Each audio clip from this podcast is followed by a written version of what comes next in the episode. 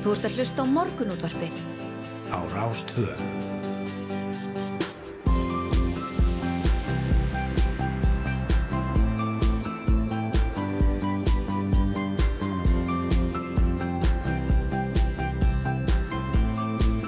Morgunútvarpið Á Rástvö.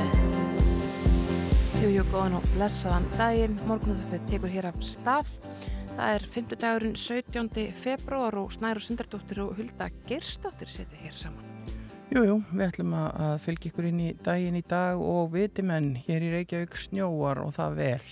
Og það hefur snjóað hellingi nótt sem þýðir það að við þurfum að gefa okkur tíma til þess að sópa af bílum, jafnvel móka eitthvað út og uh, gera ráð fyrir því.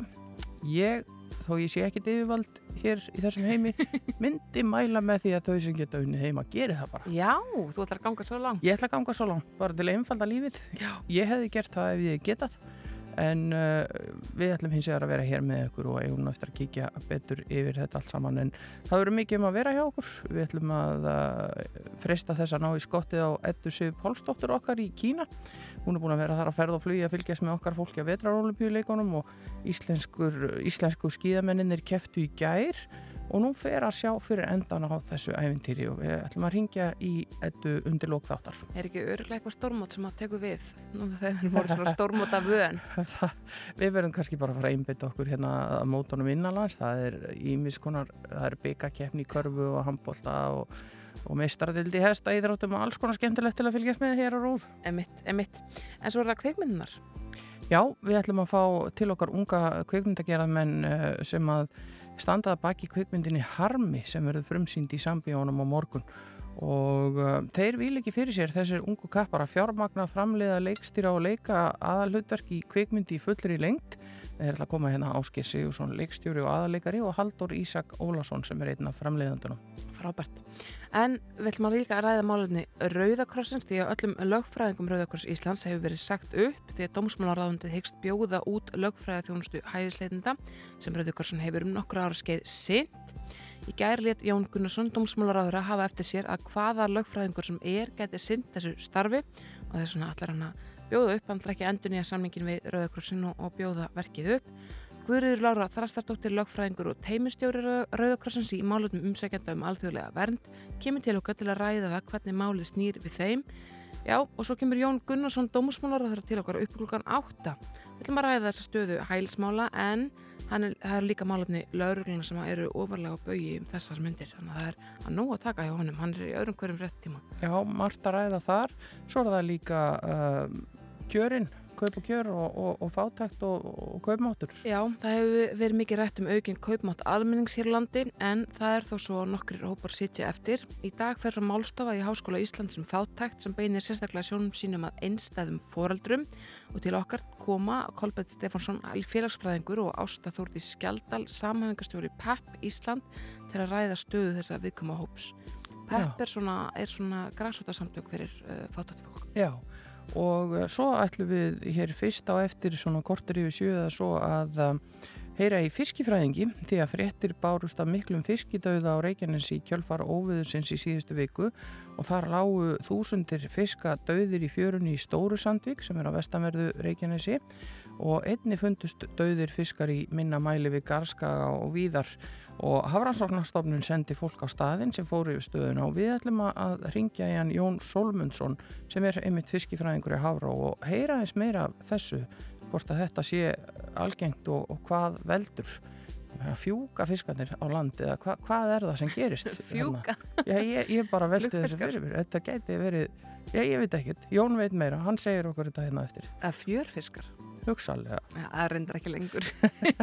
Ekki þeir eru það ekki lengur Nei. grein Æ, nei Þetta er ljótt. Já, smá. Já, já.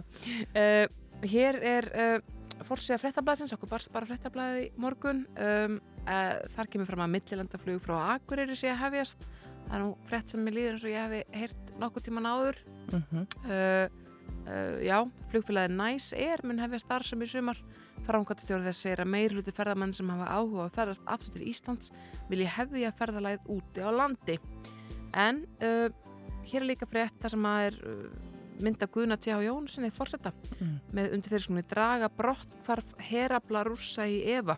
Í gær ætla að draga hluta herabla síns tilbaka frá ukrainsku landamærunum. Að bandarækjaman og NATO eru engin teikni á lofti um slikt. Vlodomir Zelenski, Ukrænufórseti, þakkaði gær Guðna T.H. Jóhannesinni fórseta Íslands eftir að Guðni lísti stuðningi við Ukrænumenn og lísti samstöðu með fríðarumleitunum NATO. Já, já. Ég var ekki vörð við að hann gerði það. Ég. Hér er uh, áhugaverð frétt líka á vefnum okkar rú.is segir í fyrirsög 28.000 konur sótt um 30 störf lestarstjóra og þetta er frétt frá Sáti Arabi en þúsundir hvenna sóttu þar um þegar spænska játbreyta fyrirtæki Renfe auðlist eftir konum í starf lestarstjóra þar í landi. Renfe rekur játbreytir í konungsvíkinu Sáti Arabi og þar búa konur við afar takmarkað frelsi og skert mannréttindi og var óheimilt að aka bifrið allt til ásins 2018. Og núna sem sagt auðlisti fyrirtæki þessar 30 stöður og fekk 28.000 umsóknir. Wow. Og uh, þetta er sem sagt konum, konundan sem verða ráðnar, þeim er ætlað að aka hraðlistum á milli borgarna Mekka og Medina og þær fari gegnum árslangt nám og þjálfun og launum áður en þær fá að setjast við stýrið. Og Renfe er þegar með 80 kallmenn í vinnu í Sáti Arabi og 50 til viðbótar í þjálfun. En það jákvæða við þetta er að atvinnu þáttaka hvenna hefur nær tvöfaldast í Sáti Arabi á síðustu fimm árum segir í frétt Guardian sem hér er vísað í og um þriðjungur Sáti Arabískra hvenna er nú virkur í atvinnulífinu. Já. er- Gott mál, betur má eh, duga skal en, en miðar í Algjörlega. rétt átt. Algjörlega. Uh, ég, mér tókst að grafa hérna upp fórsýðu morgunblæðsins. Já, Þar kemur fram að, að framkvæmdir sé að hefjast á, eða muni hefjast á þessu ári við uh, kvamsvirkun í neður hluta þjórsár. Það er að segja ef áallanir landsvirkun að ganga eftir. Uh, það þarf að auðlýsa útbúð á byggingaframkvæmdunum en þetta er þó allt saman háð afgriðslu á virkjanaleifi og framkvæmda leifi. Og þá hefur stjórn landsvirkunar ekki einu svona ákveð að ráðast í framkvæmdina. En, en þetta er samt fullert hér að fórsýðu morgunblæðsins. já, ímislegt að, að að gerast. algjörlega fullt að frett þar og að samvinnreifingin, hún fagnar 140 árum í dag. Já, ég var nú svo fræg að gangi í samfunnuskólan. Já, Ég bara er það gömul sko. hva, hvað fór fram þar? Samfunnuskólinn var bara framhaldsskóli á Byguröst í Borgafyrði og uh, frábær skóli. Ég, það er svona eitt af besta sem ég hef gert í, í lífinu að taka það ákvörðun að vinda mér þangað Já. og uh, ég var stúdent frá samfunnsskólanum. Það var mjög skemmtilegt. Fekk á mig ákveðin stimpil við það að fara í þennan skóla en, en hef aldrei staðið undir nafni í því. Ok. En samvinnufræðin var áhugaverð. Við lærðum meðal annað samvinnufræði hjá Jóni Sigurssoni heitnum sem þá var skólastjóri. Já. Það var alveg stórkostlegar kjænslastundir og, og skemmtilegar mjög. Sem síðan var. Já, Einmitt, já, stór menn sem að já, já, já, kenna já. þarna. Hann var skólastjóri þannig þegar ég var og, og frábær og eftirminnilegu maður, svo sannarlega. En ímislegt uh, að uh, frétta hér inn á vefmiðlunum auðvitað. Uh, ég er hérna að kíkja á vísi. Þar er verið að tala um heilsugjæsluna og uh, auðvitað mikið að, frétta af þeim en hér segir að sóttvarnalæknir telja að faraldur koronavirunar fjari út á næstu vikum og það er verið að loka COVID-göngudildin á landsbytalanum og færa verkefnin uh, til heilsugjæslunar og heilsugjæslan uh, þau segjast hérna vera tilbúin að takast á við þetta sem er að vera í sambandi við sjúklingana en uh, fólk sem er mikið veikt kemur auðvitað áfram á, á sjúkrahús. Einmitt. Já, já, það er margt að breytast í faraldrinum og við fögnum því að sjálfsögðu. En við förum að skipta yfir á fréttastofuna að heyra hvað þau hafa að segja. Já, það eru fréttir hér á slæðinu klukkan sjö. Við höldum svo áfram í morgun útarpinu og uh, spjöllum við fólk hér og þar á landinu. En vindum okkur fyrst í nokkrar auðlýsingar. Þú ert að hlusta á morgunútvarpið. á Rástvö.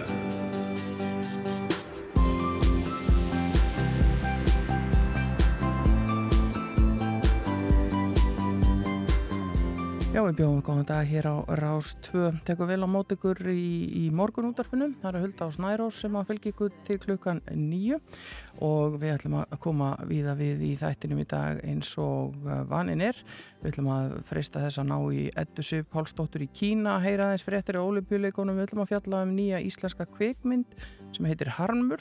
Jón Gunnarsson, dómsmálaráður, kemur til okkar og Guðriður Lára Þrastadóttir, lögfræðingur og teimistjóri Rauðakrossins en uh, öllum lögfræðingum Rauðakross Íslands hefur verið sagt upp því að dómsmálaráðunitið hyggst bjóða út lögfræði þjónustu hælisleitenda. Emitt. Svo ætlum við að ræða fátækt á Íslandi og fiskidauða í óveðrinum daginn þannig að það er að nægu að taka. Já, fiskidauðin mikli. Fiskidauðin mikli. Fiskidauðin mikli. Já, en uh, eigum við ekki að fara í málmálana þessa dagana sem er uh, veðrið? Jú, jú, emitt, það hefur bætt heldur betur í uh, ofankomana hér á höfuburkarsæðinu fyrir þau ykkar sem er að vakna núna en í dag og á morgun verður veður með róleira móti miða við síðustu daga all viða mót að gera ráð fyrir dálili ofankomu þótt líklega verða norð-austur hortnið sem far heldur meir en aðrir landslutar og suðausturlandi verður nánast alveg þurrt. Það er frostum mest allt land en híti mun skrýða aðeins yfir frostmark næst ströndinni. Það sem, sól, sem sólinn er farin að hækka þá er að byrja til dægur sveifla og á næstu vikum ekst hún all hratt. Hvað þýðir það fylgta? Það sé að byrja dægur sveifla. Er það ekki svona munurinn á, á, á hérna björtu og, og, og myrkri? Mikið, þessi kallt á nóttunni en ekkit endilega svo kallt á já. Lítur að því að það. Það er eitthvað svo leys. Ef, ef við erum að bylla, sendið okkur línu í gegnum Facebook. það, það má alltaf leiðrit okkur, tökum því bara fagnandi. Algjörlega. við erum ekki alveitrar. Nei, nei, nei, og rugglum heilan helling hérna. Sérstaklega svona fyrir hálf átta. Já. Getur það verið svolítið slægt. en ég kikið hérna kortið, þá eru bara bláar tölur uh, allstar á landinu nema á norð-austurhóttinu uh, skeltingstöðum og rauvaröf þar eru skriðir það yfir frostmarkið mm. en að öru leiti þá eru við bara í bláu uh, já, allan daginn Já. sko það spáir ekki meiri úrkomi hér á höfuburgarsveðinu í dag Nei, eftir en verið hefur þann, en aftur, enn og aftur það, það er leðilega farð þegar bætti Já. mikið í nótt og það snjóaði ennþá þegar ég kom hérna aðan þannig að ég veit ekki hvort það er hægt núna en, en að minnstakosti gefið ykkur tíma í að, að, að reynsa af bílum og, og undirbúa það hvert þið ætlið að fara. Uh, ef við lítum á uh, færðina og skoðum upplýsingar veðagerðarinnar þá kemur fram að það sé snjóþekja á öllum leiðum á höfuborgarsvæðinu.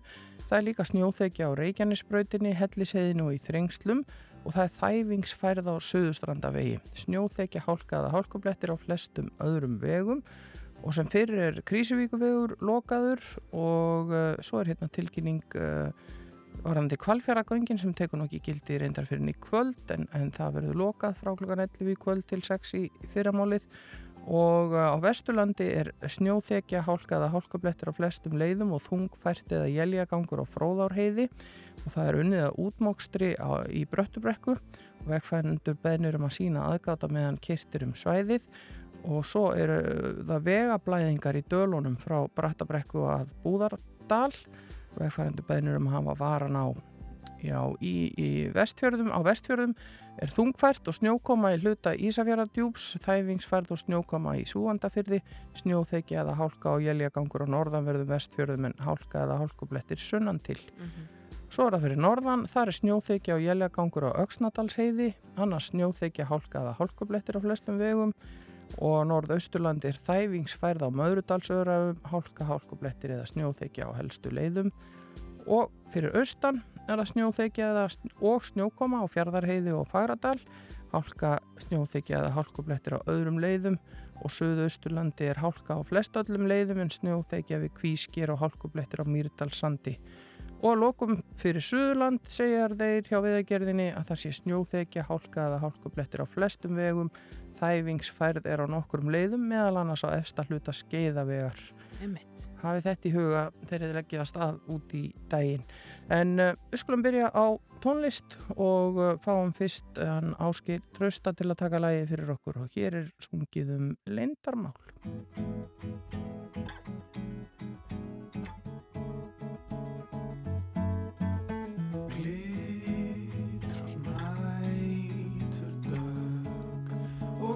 Gengið þar með henni grátur hvít og ung Nú berst frá rauðu húsi læða strefa hjón.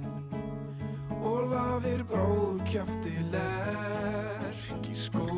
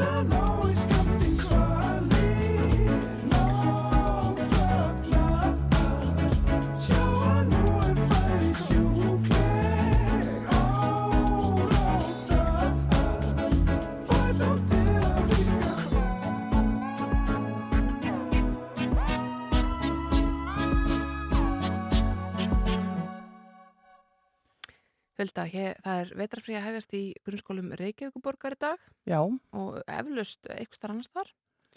Ég er ekki alveg þar henni. Við erum Nei. með, einn vetrafrís króa hérna í stúdíónu með okkur. já, Uh, og innan við Reykjavíkuborgar er þetta að finna ýmislegt sem að uh, er búið að gera í dag. Það kemur hérna fram að, um, að í varandi í flokknum útiver og frístund að diskaliftur í bláfjöllum er það opnar í klukkan 12 í dag og morgun er þetta líka. já.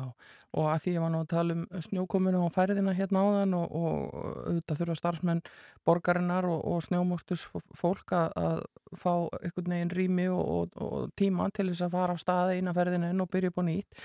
En uh, kannski eru margir sem þurfa ekki að fara til vinnu í dag eða geta leift sér að vera í vetrafrí með bönnunum sínum. Það er Einmitt. auðvitað skemmtilegast og tilgangurinn með fríinu og þá er þetta að fara, þið getur nú farið bara hérna inn á reykjavík.is, það er frétt á forsíðunni um vetrafríið og, og, og það er þetta sem þú ert að nefna uh, alla þessa dasgrá sem er í bóði, það er eh, auðvitað í fjölskyldu hústýragarðinum og það er borgarsögursafn og dasgrá í öllum bókasafnum Mm. borgarinnar. einmitt, sem er náttúrulega bara hægt að fara röllandi í, það eru bókastöfni í öllum hverfum, þannig að það má fara fótgangandi þangað, uh, þó að, að færðin fyrir bíla sig kannski svona með lakara móti, Mm uh, en af því að þú nefndir það að vinna heima, þá eru þau líka með flokk sem heitir einfallega gaman heima. Uh, og þar er, er sko alls sko, er, þau eru með svona hérna, smáforrið þess að búa til svona eigin bók, fjölskylduspil, reyfi snákaspil, reyfi bingo, heima hjartsláttur sem er eitthvað leikur fyrir alla Já. fjölskylduna. Þetta er, það er sko, það er bara allt, allt í bóði. Þetta er mjög já. skemmtilegt. hvað erum við að gera hér? Ég, mitt, með blessabatnið í stúdíónu, það er bara stundin þannig. Dótti mín vildi ekkert koma með mér í vinnuna. Hún var reyndar 17 ári í vikunni en það er önnur saga.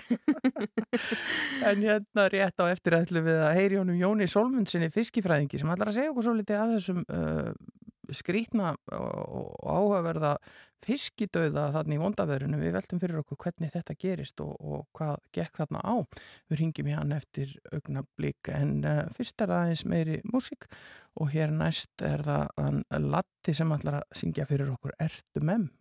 Þú ert að hlusta á morgunútvarpið á Rástvö.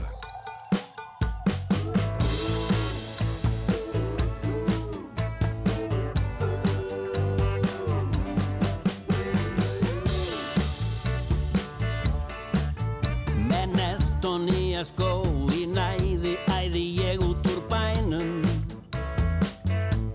Mm, Ég splæst í hondur hró á henni brenni ég út með sjó. Legg landið undir dekk elli smellur í einum grænum. Ég aftur kirkju fjekk eftir gott blöðru hálskekk Ligga, ligga lág, lifin eru farin að virka. Borðið ykkur frá, fúsa liggur heilmikið á. Ég léttur er á merð því leður dressið passaði sirka. Veit ekkert hvert ég fer, ég rat ekki heim hvort eða brun út í bláinn. Ertu menn, það er pláss alltaf ná. Ertu menn, fyrst maður er ekki dáinn. Og ekki nema 75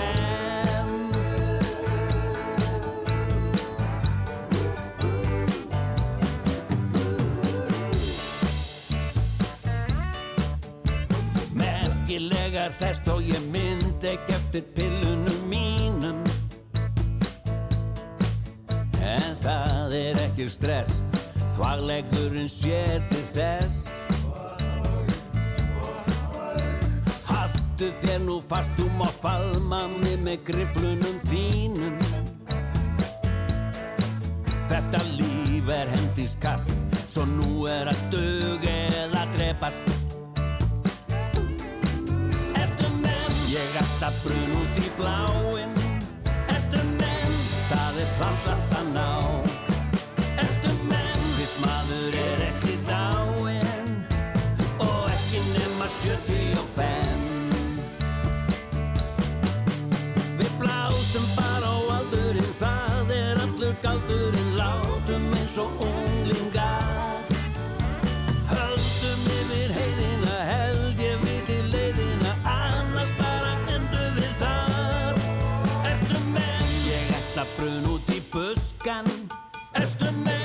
menn er sko pláss fyrir þig.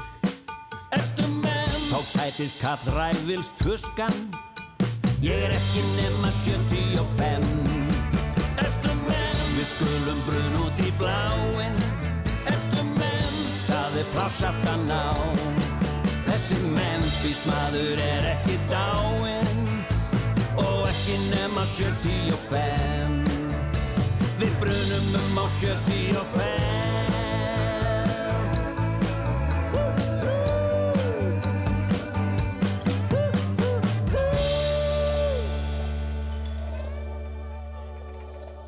Morgun útvarpið á Rástfö. Jú, jú, höldum áfram hér í morgun útvarpinu og eins og ég sagði hér áðan þá ætlum við að forvittnast aðeins um fiskidauða mikinn á Reykjanesi sem frétti bárust af í kjölfara óviðusins í síðustu viku. Það lágu þúsundir fiska döðir í fjörunni í Stóru Sandvík á vestanverður Reykjanesi og það fundust líka döðir fiskar í minna mæli við Garskaga og Víðar og Hafrannsóknarstofnun sendi fólk á staðin sem fór yfir stöðuna og á línunni hjá okkur er Jón Solmundsson fiskifræðingur hjá Hafró. Góðan daginn Jón. Já, góðan daginn. Er þetta eitthvað sem að uh, þið sjáið oft hjá Hafrannsóknarstofnun uh, svona fiskidauði þúsundur og jafnvel tugþúsundir döðra fiska í, í fjöru? Nei, nei, nei, nei, nei, alls ekki. Þetta hefur ekki, ekki sérst hér í einhverja áratögi, svona, svona stór atbyrður eins, og- eins og var þarna í síðustu viku. Þannig að þetta er, þetta er alveg einstakt. Og hvað en, er en svona, það? Svona fisk, fiskitöðu er nú svona, þetta og stafsamt sko, alltaf reglulega en, en svona í gegnum tíðina en, en ekki svona í þessum mæli. Nei. Og hvað er það sem gerist? Ég var nú fýblast með það hérna áðan hvort að fiskarnir reynlega bara fykju á landi eða, eða gerist þetta í hafinu? Hva, hvað skeður þegar svona verður? Já, þetta, þetta enda náttúrulega með góðri flugferð upp í, í fjöruna en, en það sem að hérna gerist í rauninni getur verið sko, það getur verið til dæmis að, að því að þetta eru nú, voru nú alveg einstaklega stóra röldur sem voru að berast upp á landinu þarna, þessa nóttina Mm. að þarna var bara, bara sett Íslandsmet í ölduhæð e, og, og stærri öldur hafa ekki sést síðan já, í allavega í 30 ár með, með öldumælingar. Þannig að þetta var mjög, sér- mjög sérstætt og, og það sem gerist e, sko þetta eru tegundir sem við vorum að sjá þarna, litlikarfi og ljóskjafta og keila. Að þetta eru tegundir sem að sem að lifa ofta á hörðum botni og, og þar geta sennilega verið að lemjast til þarna í, í brimrótinu og, og reynilega vangast og, og svo getur líka verið að, að, sagt, að, að sjóri sé reynilega að rýfa á upp frá botninum og, og þá getur það gæst að sundmæginni þeim blása út ef, ef allir spreita hratt um dýpi og þá þarf það ekki að vera nefn að þess kannski það er svona upp í sjó í, um tíu metri að svo á blæsundmægin út og, og þeir verða svona, svolítið eins og blöður í sjónum Já. og það náði ekki neitt í neitt, ná sér ekki niður aftur. Þetta eru svona pínlítið óhengilega lýsingar, sko, er þetta, er þetta, það er kannski skita að orða, en, en er þetta hérna, langur og kvalafullu dötaði fyrir fiskana, það gerst þetta til dælulega rætt? Nei, þetta gerist nú mjög rætt svo. Sjórin náttúrulega bara rýfir upp, upp á land og, og þá er þetta búið hjá þeim sko.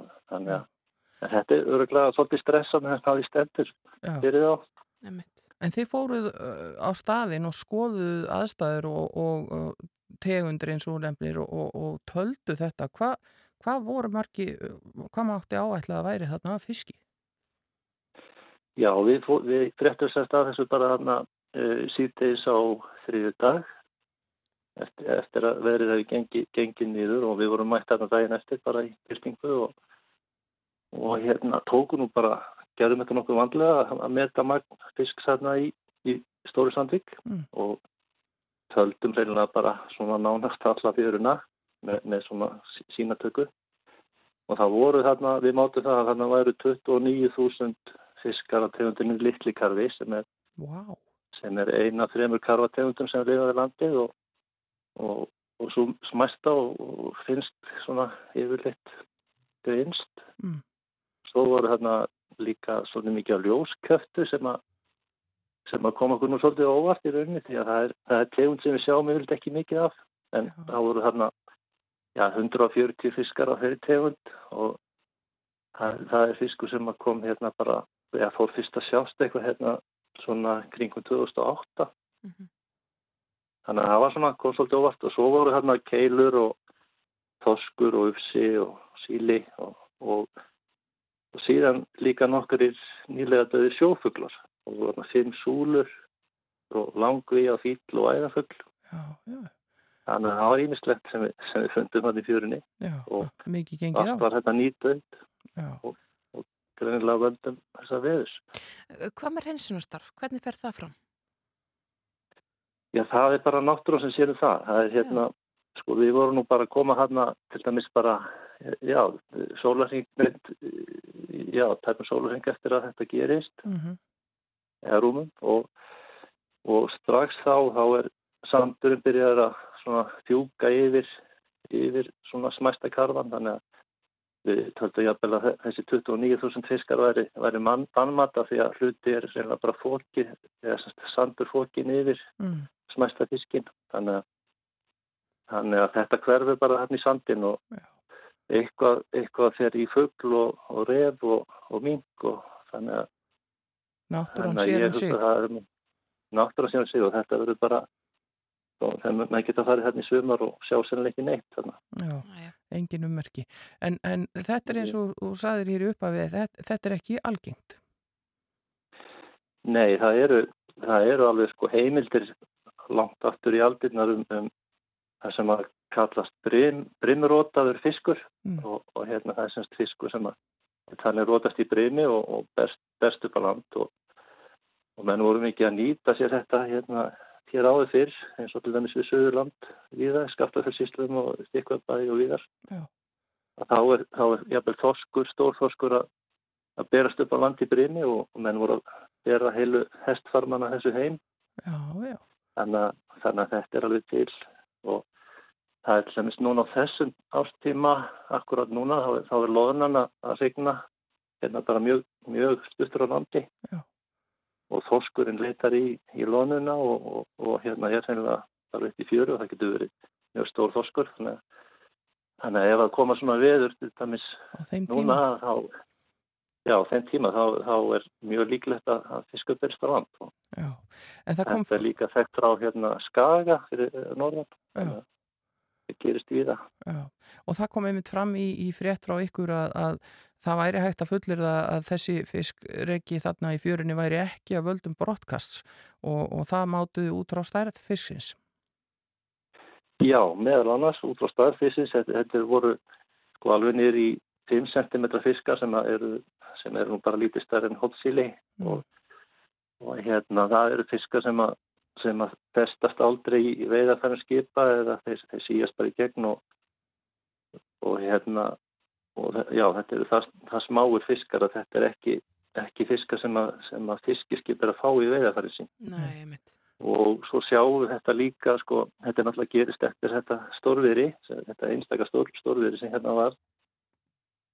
Og þetta gerist víða við landið, þetta, þetta er í Vestmannegjum og við, við söðvestu ströndin á Reykjanesi og allavega upp á Snæfellsnes þannig að, þannig að þetta er, þetta er auglustlega svona náttúruhanfæris sem sko, rétt-. Rétt í lokin, Jóhann, er þetta eitthvað sem við getum farið að sjá meira af eftir því sem að, náttúru, eða loftsæsbreytingarnar verða meiri? Já, það getur alveg verið, við fyrir að sjá svona yktari veður eins og, eins og við verðum að tala um Já. Já. Já, já. þá, þá náttúrulega mun þetta verða algengara. Já.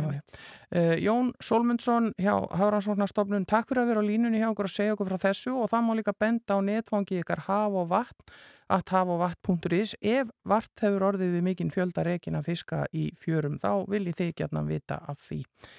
En uh, takk Já. innilega fyrir spjallið, uh, þetta er forvinnilegt og áhugavert, gangi ykkur vel með þetta allt saman. Já, getur þakkir. Bless, bless. Og uh, það stýttist í uh, fréttaeflit hér á slæginu klukkan hálf hjá okkur. Uh, við ætlum að, að vinda okkur í það hér með fréttastofinni hinum með við gangin og komum svo inn aftur og, og höldum áfram með góða gesti hér í morgunundarpinu.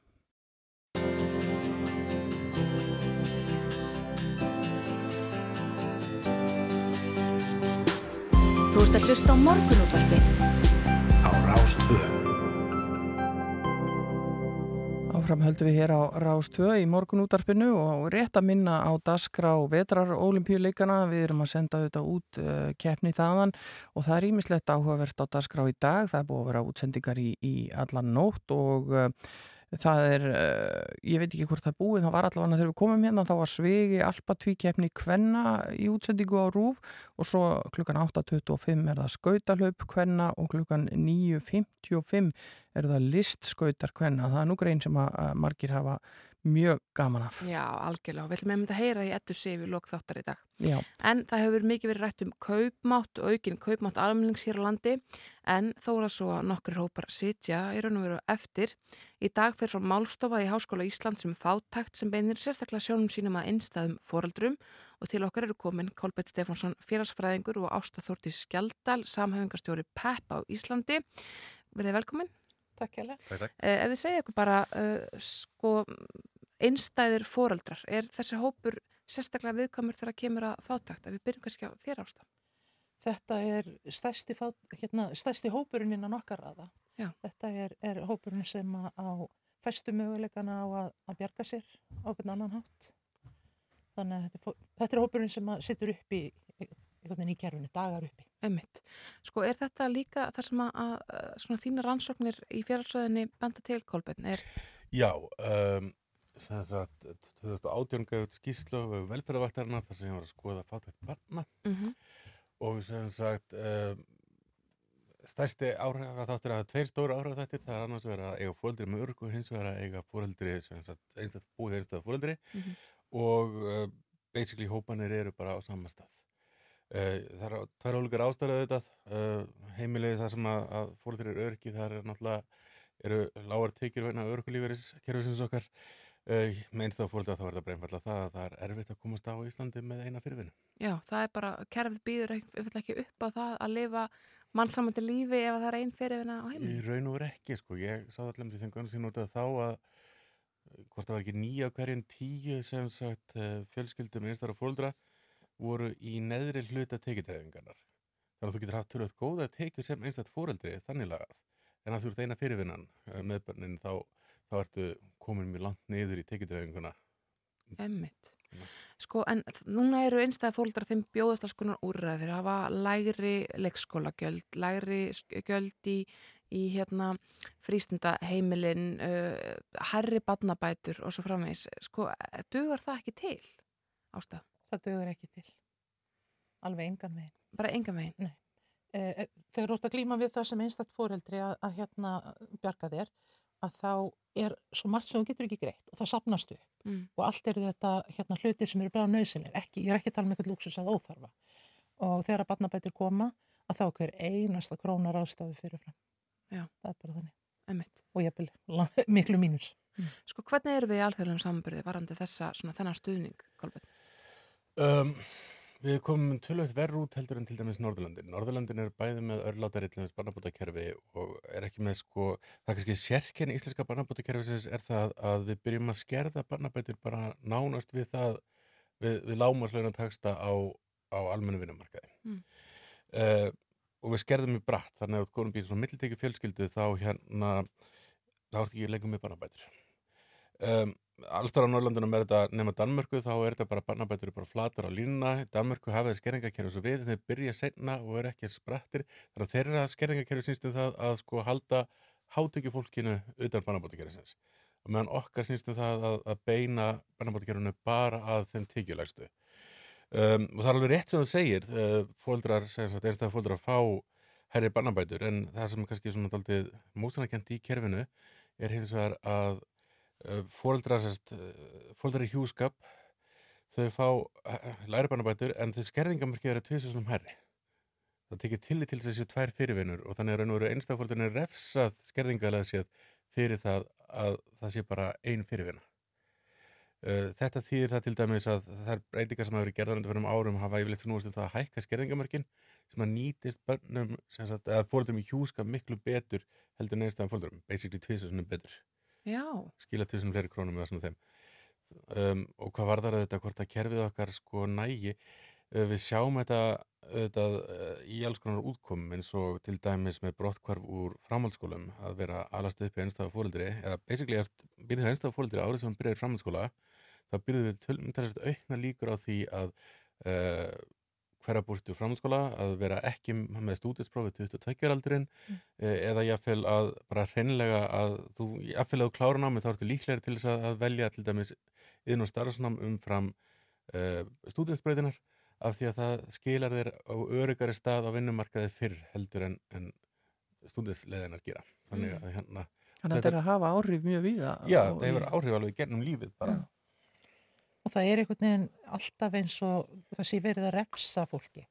Það er hérna, einstaði fóreldrarnir, sérstaklega þeir eru á örkulífi, mm -hmm. þá er, er, ef þú reynir að bjarga þér á eitthvað nátt, að þá er refsingin alltaf þannig að það er tekið eiginlega meira af þér heldur en það sem hún fegst fyrir það sem þú ert að reyna að gera. Mm. Það hefur svolítið verið talað um það að einstæðir feður standi sérstaklega höllum fæti, kannski mm. að þeir eru að borga meðlag og svo framvegis. Er það rétt? Standa einstæðir feður hallari fæti heldur en einstæðar maður? Nú vitum við það ekki nákvæmlega hver staðan er varandi þetta um, og ég er ekki vissum að sko sagt, feðrahópurinn sé endilega sérstaklega einsleitur.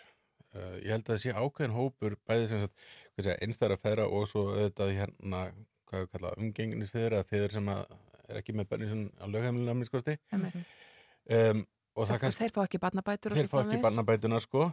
Og jáfnvel sko stundum að koma svo hugmyndir á það að í ljósi þess að nú er í vaksandi mæli er fólk að skipta sko bústu barna 50-50 mm -hmm. sínum milli að það er að skipta þá bara barnabútunum milli þeirra. En það kannski missið aldrei af mikilvægum punkt hérna. Þetta eru ólíkar, þetta eru öðruvísi fjölskyldur heldur en, en sem sagt mótilið sem að fjölskyldu stefnukerfið okkar gerir ráð fyrir við erum með svona fjölskyldur sem gerir ráð fyrir uh, svona kjarnafjölskyldu. Það er maður og kona og, og tvö bönn, hundur og, og sófið stíl mm -hmm. um, sem sagt og þegar, fólk skilur þá verður pappin svona daldið eins og, eins og hérna Chevy Chase karakter af nýjunda áratöra bíómynd það sem er annarkvört hérna bladamaður eða, eða lögga sem er ógeðslega góðu gaur og skemmtilega við bönni sín en borgar ekki meðlægið og gleymir að sækja þau um, um helgar. Uh, Svona staðmyndi kannski. Já, raunveruleikin er bara það að fjölskyldur í dag eru bara allt, allt öðru sem miklu fjölbreyttari og voru það sennilega þá. Mm -hmm. en fjölskyldur stefnan okkar hefur ekki þróast. Ekki í taktu það. Nei, og til dæmis með þú veist já, par með barn. Það þarf eitt herbergi viðbót umfram þess að háður til þess að, koma barnu fyrir í húsnaði um, fráskilið fólk uh, gefum okkur bara svona, þú veist, þau eru bæði ennþá einhleip þau þurfa að sikra íbúðana og í báðum íbúðum þarf að vera auka herbergi fyrir barnið. Mhm. uh, þetta er bara umtalsett meiri kostnaður og ég, við erum að reynda að fara að stað með rannsókn núna sem er að skoða sérstaklega fólk sem að, að, fóreldra sem að eiga bönn sem að þeir deila ekki lögheimilu með bæði til að ná utanum það hversu algengt þetta er þessi skipti og annað slíkt líka bara til að sjá hversu stór er hópurinn sem er í vandra vegna þess að fjárhæslega getur hann ekki sinn. Mm, mm. Ásta, hvernig kemur það við ykkur eh, hjá PEP og ykkar starfi að, að heyra eh, til dæmis stjórnmálafólk ræða það að kaupmáttur sé svo mikill hér á landi og, og, og við höfum það svo gott? Eh, stundum finnst manni orði gaslýsing að hoppa upp í hugan. Mm. Að hérna, við spyrjum okkur í hvað raunveruleika býr þetta fólk því það býr ekki okkar raunveruleika. Hvaða áhrif hefur heimsfaraldurinn haft á, á uh, þitt fólk? Sko hann hefur hérna svolítið þjappa saman ákveðnum kjörnum en það er, hefur allt hækkað og minn hópur finnur alveg sérstaklega fyrir því að matvara hefur hækkað. En það er kannski stærsti útgaldaliðurinn hjá þessum hópi sem að glýma við mestu fátæktina eða eitthvað. Húsnæðiskostnaðurinn er, er hérna yfirleitt mjög erfiður Já. Og, og síðan er það maturinn Mhm. og að við töluðum hérna einstæða feður og, og hérna umgengnisfeður að þeir leita síður til okkar en þeir sem að leita til okkar að þeir eru bara í virkilega stæmi mál Mm. og það er alveg eins með þá eins og með einstæðu meðunar að þeir þá vantar bjargaráð og þeir hafa kannski síður bjargaráð heldur en korunar að því það er veginn viðurkendara að við byggjum um aðstof Mm. Sko það hefur líka stundum verið talað um varandi einstæða fóreldra að, að á vinnumarkaði standi þetta, þessi hópur höllum fæti einfallega því að það sé gert ráð fyrir því að þau þurfa að, fara úr vinnu til að sinna heilbyrðisjónust og þau þurfa að taka á sig eh, st- stærri byrðar varandi veikindi batna og svo framvegs. Uh, leggst þessi hérna ójöfnur sem á orðið komast á vinnumarkaði jaft á einstæða feður og einstæða maður? Vitið það? Ég, ég ekki finna, þetta er góð spurning. Horfið hérna ákvort annað í stúdíónu. Sko ég get alveg ímynda mér að það sé ólíkar áskorun ég, meina, ég held að, að vinna sem saman ef þú ert einstaklega fóldri sem er mest mærnis með börnin hjá sér Mhm. þetta er ekki skipt búseta þá er náttúrulega það fóreldri þeirri stöðu að það þarf að, að, að, að sinna oft börnum og erendum á vinnutíma en ég get ímynda mér að, að sko viðmóti til dæmis hjá vinnu getur verið ólíkt uh, að til dæmis einstæða mæðunar þær fá ekki tækifæri sem að það er eiga að fá af því að, að það gerðlir aðfyrir að þær sé að forgast að fjölskyldunni. Eða meðan einstæða fæðin er kannski mæti meira mæli skilningsleysi. Mm. því að við erum náttúrulega svona stærum okkur að því að vera eh, mest jafnbreyttasta landi í heimi. En, en sko stærn er eins og við þurfum ekki að grafa rosalega djúpt inn í svona eh, endur, að róta þess með bara til þess að átt okkur á því að sko þessi klassiska fyrirvinnu hugmyndafræði hún lifir enda tóldi stert í þjóðinni.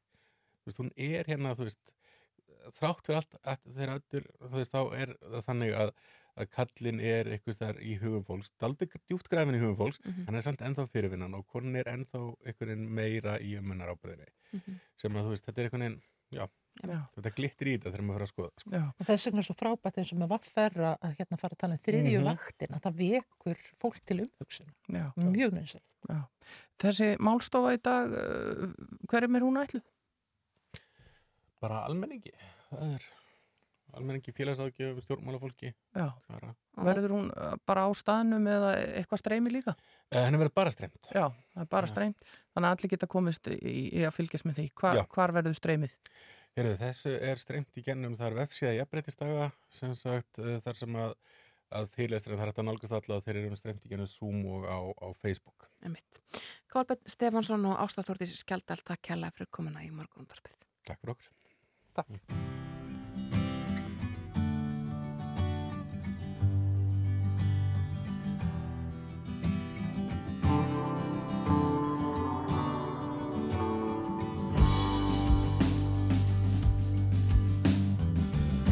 blue, you have no clue. My dreams are still about you. Building castles in the sand flowers wrapped around you. Yeah, but I still remember you. Maybe I should stop loving you. Or that could ever ring true. Going down that sweet avenue. Seeing some shadows of you. Yeah, but do you miss me too?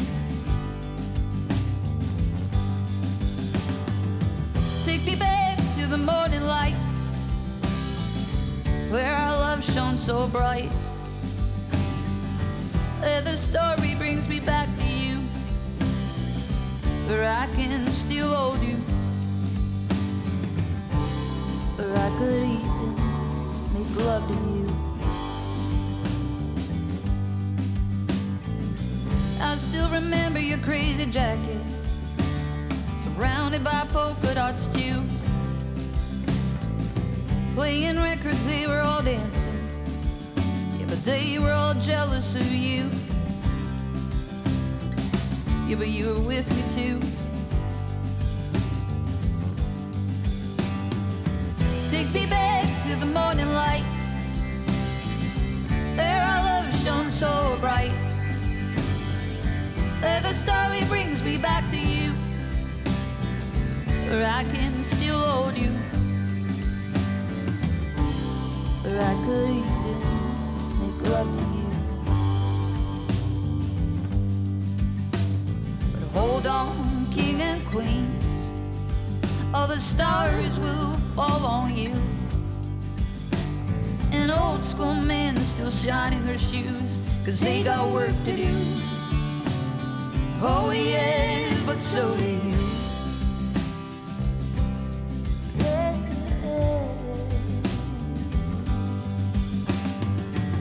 Take me back to the morning light Where our love shone so bright. Where the story brings me back to you Where I can still hold you. Where I could even make love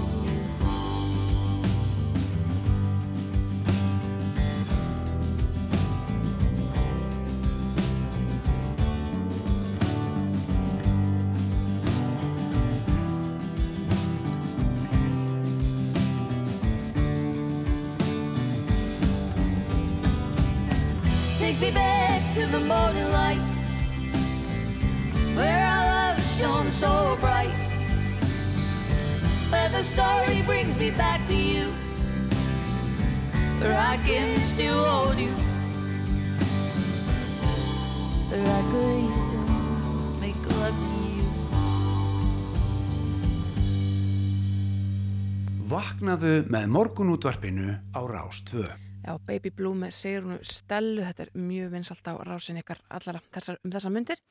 En öllum lögfræðingum Rauðakurs Íslands hefur verið sagt upp því dómsmálaráðundið hyggst bjóða út lögfræða þjónustu hælisleitenda sem Rauðakursin hefur um nokkur ára skeið sint. Í gerlit Jón Gunnarsson, dómsmálaráður að hafa eftir sér að hvaða lögfræðingur sem er getið sint þessu starfi. Hún er komininga til okkar Guðrýður Lára Þrastadóttir, lögfræðingur og teimistjóri Rauðakursins í málefnum umsækjandum alþjóðlega vernd. Góðan daginn. Daginn.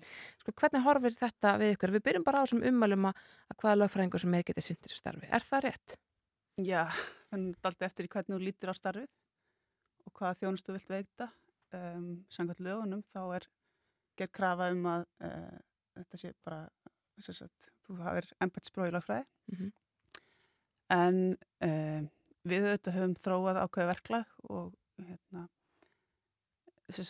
þjálfum okkar starfsfólk sagt, mjög vel og lengi áður en að fólk tekur að sér svona mál. Þannig að Nei, við lítum ekki svo á að hver sem er geti sínt þessu. Nei, sko þið hafið, hvað hefur Rauðakursin lengi verið með þessa svona, já bara með hælisleitindur og svona heildrina þjónustu fyrir þá? Sko það er, sjö, sko, rúmlega, já, það er svona sjöhálft ár síðan að uh, við gerum samning við innaríkisræðandið um að sinna þessari þjónustu og það er auðvitað styrklegi okkar uh, sem að lámastofur hafa ekki haft er sá að við erum líka með fjöldanstöðning og það er uh, bara mjög sko mjög mikilvægt þegar þetta sinna þessum hópi að hafa þá uh, líka hérna, kosta því að sagt, geta uh, sint fjölslega þörfunum samhliða. Mm, einmitt. Þið út við húsnæði og svo framvegis? Nei, við útum verðum ekki húsnæði Nei. en uh, við erum sagt, með uh, félagslega teimi sem að uh, stiður við fólk ef það á einhverjum vanda og um, hefur það samband við þjónustæðila til þess að í rauninu svona stiðja við þessa félagsstjónustu sem fólk er að fá. Fólk fær félagsstjónustu annars vegar hjá útlendingastofnun og hins vegar hjá sveitafélagunum og ef að uh, umsækjendur uh, telja sér ekki verið að fá næla goða þjónustu að það getur að leta til okkar og þá reynum við svona miðlamálum og koma uh, málum í þann farveg að fólk sé sátt. Já, en í þessu uh, tilvonandi útbóði þjónustunar uh, þið munum vantilega geta bóði í hana líka eins og hver annar? Já, ég ger ráð fyrir því.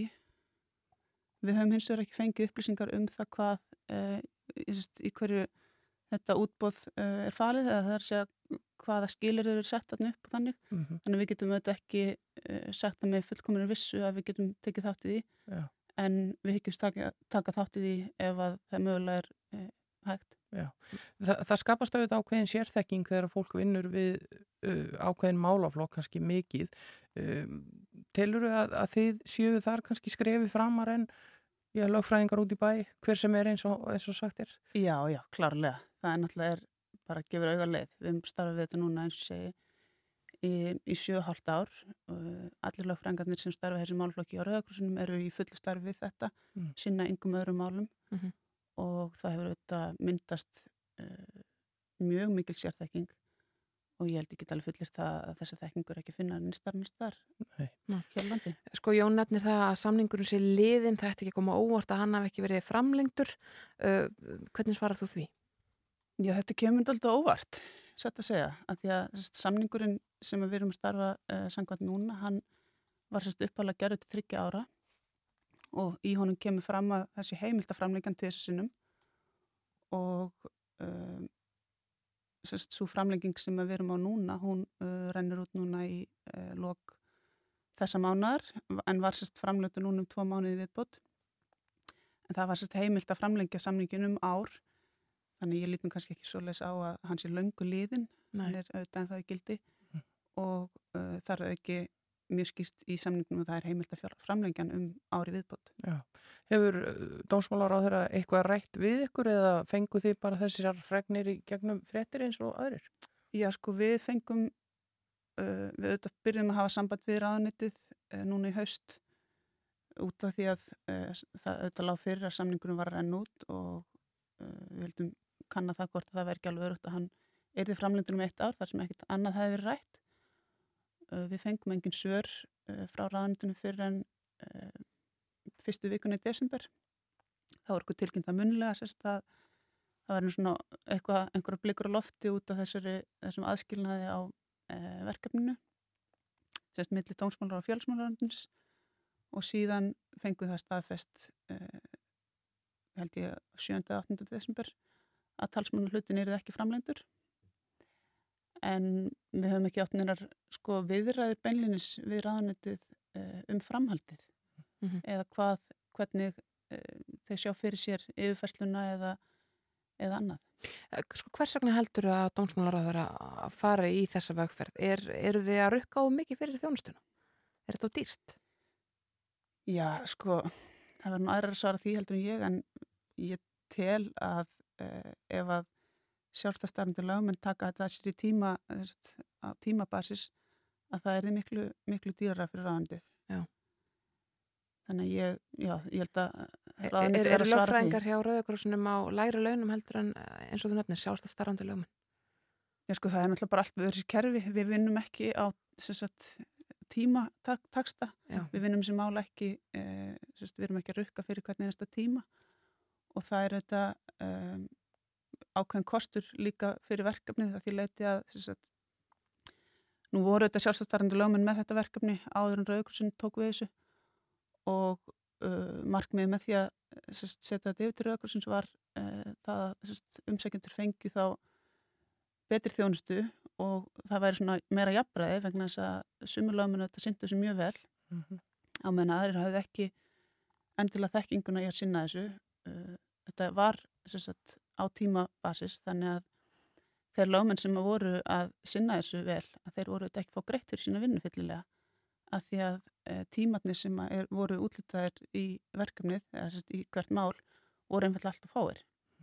Þannig að e, ég held að þeir lögmenn sem hafa verið að sinna þessu sínum tíma hafa ekki verið að gera það sko fyrir peningin heldur af einhverjum allt verðum aðstæðum. En við auðvitað sem störum hjá Rauðakrossum við fáum bara okkar mánalun og uh, þurfum í rauninni bara svona að forgansa okkur tíma í hérna samræm við, við það Já, og öll þessi verkefni var að falla þar undir. Já, þannig að það er rauninni ekki verið að sko hérna þó að við notum sérst, eigðum aðeins meiri tíma í eitt mál en annað að þá að það ekki koma niður á sérst, þjónustunni. Nei, emitt. Sko, en hv- hvað með hérna þennan hóp sem að, að núna er um, að sækjum hæli við um þetta einhvern veginn fengið svona svolítið ítrekkaða fréttir af því eftir því hvað er gangi í heiminum uh, hver, hvernig er þessi hópur núna helst sem að þjónusta? Þú ert þá að tala um þjóðurni? Já, þjóðurni og, og bara samsetningu er þetta fjölskyldur, er þetta einstaklingar? Já, þetta er bara alls konar fólk. Já. Þetta er fyrst, já, ég myndi ekki, ég, það eru fjölskyldur og það eru einstaklingar og svo eru þarna einstæði fóreldrar, það eru, það er fatla fólk, það er bara alls konar, eins og segi, þetta er bara mjög fjölbreyttur hópur.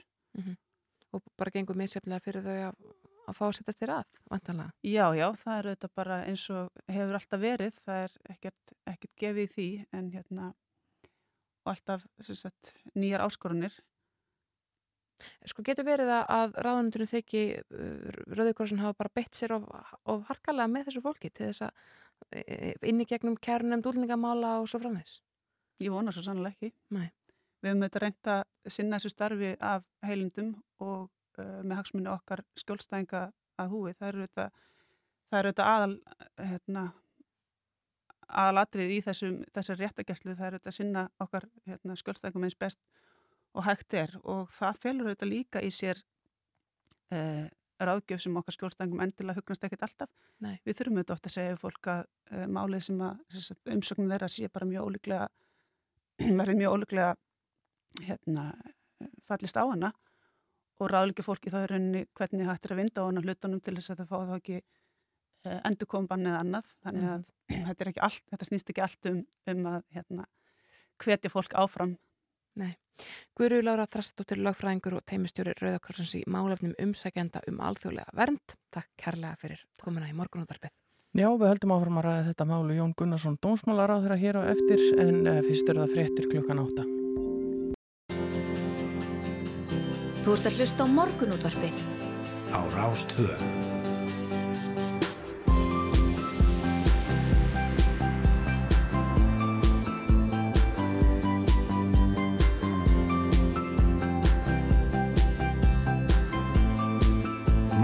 Morgunútvarpið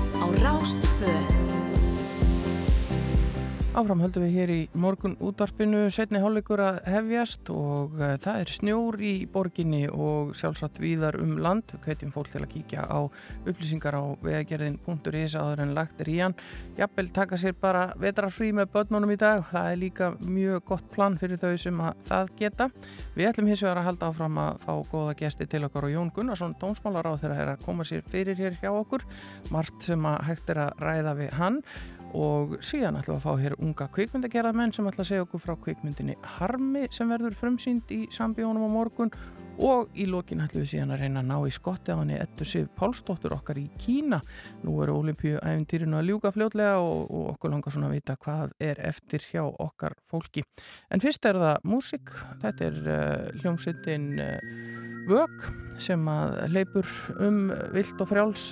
Þetta er uh, lag sem er byggir á æsku söngkonunar og uh, skemmtilegt myndband við þetta líka sem hægt er að sjá á netinu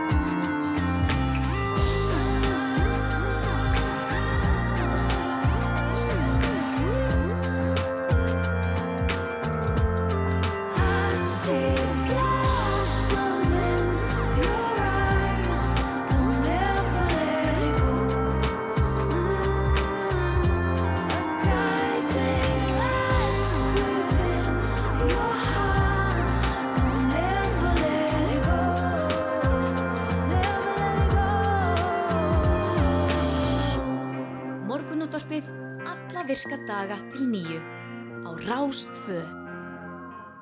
Já, reglulega flott hérna með vök. En hann er komin til okkar Jón Gunnarsson, dómsmála ráþeira. Við rettum aðeins hælinsmálun áðan við hann að Guðriði Láru sem er hjá Rauðakorsunum.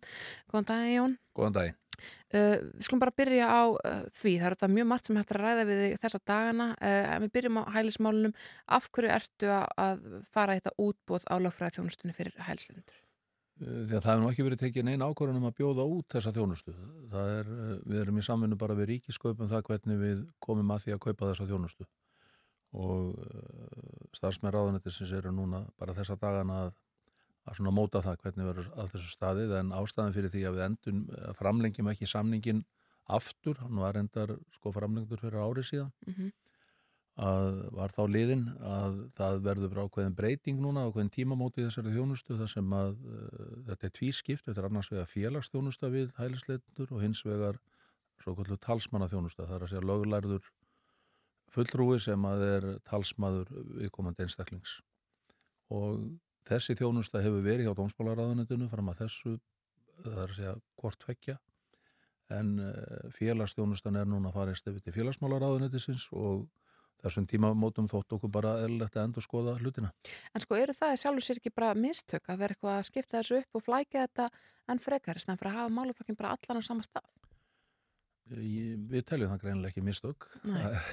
Fólk getur að skipta skoðanar á þessu en, en við teljum að það sé ástæði til að, að endur skoða þetta núna og, og hérna hver niðurstaðan verður uh, þetta er þjónusta sem þarf ekki að bjóða út hún er ekki það umfámsmikil þannig að það getur vel verið að við bara búum til einhvers konar verskrá sem að lögmenn fara þá eftir og, og verkefnin deilis bara út á þá. Og er það ólíklegra að Rauðukrossin geti komið aftur inn í það? Ólíklegra heldur en ekki? Nei, það er uh, alveg jafn líklegt að þeir lögmenn sem að það var sérhaft í þessu og er að starfa þar geti tekið þessi þau verkefni svo aðrir. Sko. Mm. Þið eru að horfa það að þetta verði einstakar lögumenn sem að eru að taka þessi verkefni. Eins og þetta var fyrir 7-8 árum síðan. Lögmannstofur eða lögmenn eða hvernig sem við hugum því en endalega ákvörðin, ég ítreka það, endalega ákvörðin hefur ekki verið tekin Mm. en við erum sagt að í þessari vinnu núna að móta þetta í samvinnu við ríkisköp sem að, sem að svona stýrir því fyrir ráðuneyting hvernig hagað er kaupum á vörum fyrir heið ofnbæra. Já, á meðan sinnir Rauðikrossin þessu áfram þanga til Já, að, að ný samninginu var staða líka framlengt fyrir. við á til uh, einhvers tíma sko og ef ég man rétt ap- mánaða eða eitthvað Já, út april held ég, jafnvel Mhm. eitthvað svo leiðis sko.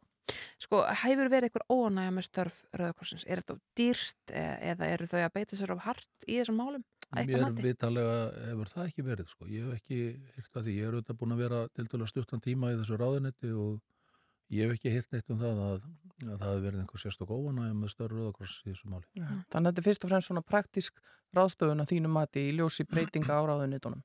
Já, taldi bara eðlilegt á þessum tímapunkti að, að þetta er þið skoðað. En hefur Rauðakrossin að þínum mati verið að beita sér af ómikilla hörku í þessum málum til dæmis varandi útlendingalögin eða eitthvað slikt?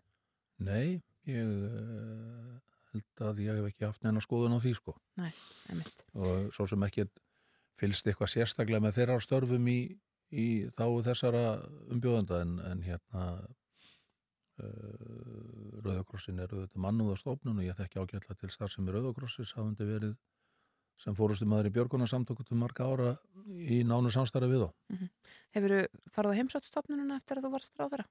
Ekki eftir að ég var ráþæranni, en ég hef oft komið í hús Rauðakrossins og heimsótt þau og svo ég segi bara öllum út um kunnur, við erum alltaf voru saman í rekstri, björgunarsamtökjun og Rauðakrossin, fórst miklum fjárablöðunar rekstri. En er eitthvað tímalína á þessu? Sérðu fyrir þér hvenar niðurstað geti leiði fyrir með hvað hætti þessari þjónustu verið sint? Já, það er bara núna næstu daga sko sem við tökum ákvörðinu þetta. Ég veit ekki hvort ég á að nefna einhver dag í þeim efnum en, en við þurfum að ljúka þessu vegna þess að þjónustan þarf að vera tilbúin og klár sem á að veita hún þarf að vera breytingan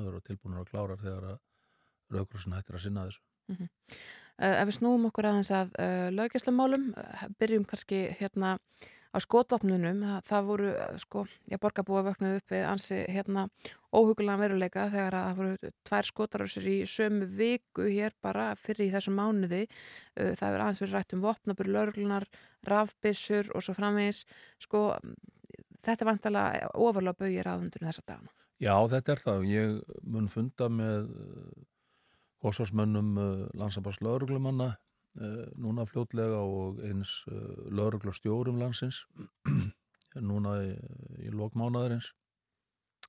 Við erum að skoða þetta, ég hef fundað sem sagt með lauruglunar rætt við ríkislauruglustjóra og lauruglustjóran á höfuborgarsvæðinu og við erum að skoða þetta það er alveg ljóst að hér er að eiga sér stað einhverja breytingar almennt séð bursi frá þessum tveimur mjög ónótalegu og óheppilegu atvikum sem að við höfum orðið vitnað síðustu daga sem að verið skotvopn komið við sögu að þá hefur orðið veruleg aukning á vopna burði eða verkefnum þar sem að vopn eiga í hlut sem að lauruglan þarf að vera að breyðast við. Mm -hmm.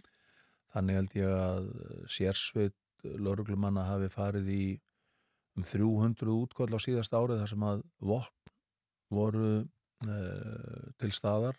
Skotvopn þá eða annars konar? Í þriðjungi þeirra tilfella held ég að verðum að ræða skotvopn. Ja, mikið, um, mikið um nýfa. Nýfa og önnur vopn sko og uh, þessi þróun er ógnarleg og eitthvað sem að við viljum ekki sjá halda áfram við viljum reyna að stemma stegu við þessu í okkar samfélagi við höfum að búi við mikið öryggi hérna á Íslandi og, og við viljum tryggja það að borgararnir uh, séu öryggir við þurfum á sama tíma að líta til þess að lauruglumenn geti brúðist við með viðhandi hætti vari sjálfan sig og borgarana. Mm -hmm.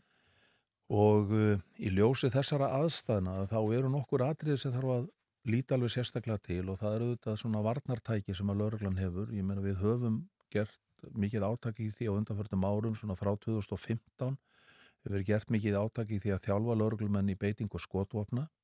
Sem betur fyrir er það algjört undakningatilfelli að þó að lauruglumenn þurfa að vopnast skotvopnum að þeir þurfa að beita þeim. Og í þeim tilfellum til að mynda sem að almennu lauruglumenn út á vettvangi sem hafa aðgang á skotvopnum í bílum að við þurfum að grípa til þeirra þá er það e, nánast óþekkt að þeirra við þurfum að taka þau vopn úr slíðri. Mm -hmm. En e, þessu fælst ákveðin auðvitað svona fælingamáttur líka. Og e, en skotvopn eiga kannski ekki við í öllum þessum tilfellum og þá þurfum við að hugsa einhverja millilegðir vegna þess að næsta tæki sem lauruglan hefur yfir að ráða er bara kilva og það er eðlilega, ég meina lauruglu mennir og lauruglu fólkið okkar eru þetta bara fólk eins og við hér og á sína fjölskyldur og, og hérna það er, það er eðlilegt að það gæti ákveðins óta með að lauruglumanna þegar þeir eru að fara í svona erfið útköll og við erum að skoða það hvort það getur verið eðlilegt að stíga þá það, það milliskref að taka upp þessi ráfó sem er mikil reynsla er komin á víða um heim og meðal annars hjá nákvæmlega þjóðum okkar reynslan er eftir því sem að ég hef fengið upplýsingar um og á nú eftir að kynna mig betur. Hún er bara mjög góð. Til að mynda í Breitland er mér sagt að, að þar, eftir að þeir tóku upp uh, þessi tæki, þar að segja þessa raf eða stuðbissur, þá hafi slísum á lauruglumannum og þeim sem lauruglan er eiga við fækkað um 20%. Ég er að heyra tölur upp í alltaf 50-70%. Mm -hmm. Það gefur auga leið að að slísin verða miklu frekar í átökum ef menn þurfa að vera að takast á í slagsmálum og, og beita kannski kilvum og einhverju slíku þá getur það haft í förm þessi líkamstjón. Í þessu tilfelli að þá er hægt að, að forðast slík átök. En hvað dugur peiparóðan ekki til á yfirbúa fólk? Uh, ekki í öllum tilfellum og þið heyrið ákalli frá lauruglumannum núna og ég heyri það og ég hlusta á það. Og ég ætla að hlusta á þá, ég ætla að funda með þeim og ég framalda því að þá munum við taka ákvörðun um það hvort við stígum þetta skref. Og þá munum við gera það þetta samkvæmt mjög ströngum reglum það eru mjög strángar valdbeitingareglur í gildi hjá lauruglunni sem eru mjög ítrekkaðar og þeim eru fyllt vel eftir. Já, en talandum ákall lauruglumanna, nú voru fulltrúa lauruglunar í viðtölum viða eftir þessi atviki í, í, í síðustu viku uh, allstar það sama talað um aukna forvarnarvinnu, það þyrta fjölga í lauruglunni, það vantar meira fjármagn, við heyrum þetta aftur og aftur Já. laun lauruglumannar af lág við höfum ekki rými til að menta eins marga og við vildum, mm -hmm. þarf ekki að gera stór áttak í þessu? Algjörlega og við erum í stór áttak í þessu uh, til að mynda núna við gerum fjárlaga fyrir þetta ár að þá horfið þingið alveg sérstaklega til þessa málaflokks og uh, við fengum uh, ég get sagt bara uh, hátt í miljard króna sem var bætt í raun inn í málaflokkin bæði til að eyða upp halla sem áður hafi verið og þetta gerist bæði fjáröka og fjárökulugum þannig að þingið er virkilega að leggja áherslu með okkur á þennan málaflokk. Þetta er sérstaklega tekið fram í, í málefnaskrá ríkistjórnarinnar að það er eflað þetta og við erum að fara samt, fjölga háskólinu Akureyri sér um mentun lauruglumanna, það er verið að fara að fjölga nefnum Eh, við erum með sérstatt áttak í endurmentun lauruglumanna. Það eru mjög margi lauruglumenn núna í þjálfun, svona sérhæðir þjálfun þegar kemur að rannsókn og, og ég mitt svona erfiðar í málum. Að þetta er jú þannig að mörg þessi mál, við tökum bara eins og að því við vorum að tala um sko vopnaburð og slíkt, þú þartu þetta mikla þjálfun og aukna þjálfun þegar þú ert komin til að fá lefi til þess að, að vera með bera slík vopna og, og taka þátt í slíkum aðgerðum. Uh, við þurfum uh, líka eru marga rannsóknur og miklu floknar, við getum nefnt bara rannsók kynferðisabrótamála sem eru mjög uh, svona í forgangi hjá ennbættanum núna þú tekur ekki nýjútskrifan lauruglu þjón og, og gera hana rannsakanda í slíkum málum þetta Nei. þú þar krefst ákveðna tekkingar og reynslu Þannig að það er mikið áttak í gangi þessum og við munum sjá lauruglumannum fjölga uh, þegar að líður á þeir. Ég mun líka ekki áherslu á það uh, við bæði fjár, gerð fjármála áallanum núna til fimm ára að við þurfum að svara þessu kalli. Á sama tíma eru við búin að setja saman starfsóp sem að Vilhelmur Árnarsson, alþingismæður, leiðir fyrir mig með fulltrúum frá lauruglunni og, og ráðunettinu þar sem við erum að skoða það hvort við getum nýtt laurugliliðu okkar betur, hvort við getum gert þetta skilvirkara og um leið hort á kannski til landsbyðarinnar þar sem að er eh, víða og fámennt lauruglilið líka en að sumuleiti kannski á hlutum, einhverjum hlutum sólarhengsins vannýtt mm. Og við erum að skoða það hvort við getum flutt ákveðin verkefni af þessum eh, svæðum þar sem álægið er meir eins og hérna á Suðvesturhóttinu stærstu ennbættin eru hérna í Reykjavík og Suðunusum og að við getum tekið einhver verkefni þaðan, flutt þau jáfnvel út á land, uh, unnið þau á landsvísu á, hjá einhverju lauruglu ennbætti út á landi, uh, fjölga þá í laurugluliðinu og nýtt mannskapin sem þetta staðar betur til að sinna þeim verkefnum með okkur og fengi þannig bet, heil, betri heildarnýtingu á alliðu okkar. Sko, Ég er líka að horfa til þáttar sem að unnar, unnir hafa verið á lauruglu í dag en þurfa kannski ekki verið að þurfa kannski ekki endilega verið unnar af lauruglumönnum, geta verið unnar af einhverjum öðrum, mhm. einhverjum öryggisvörðum eða slíku og þar með er lauruglan uh, til þess búin að geta sint svona sínum kjarn, sinni kjarnastar sem er betur.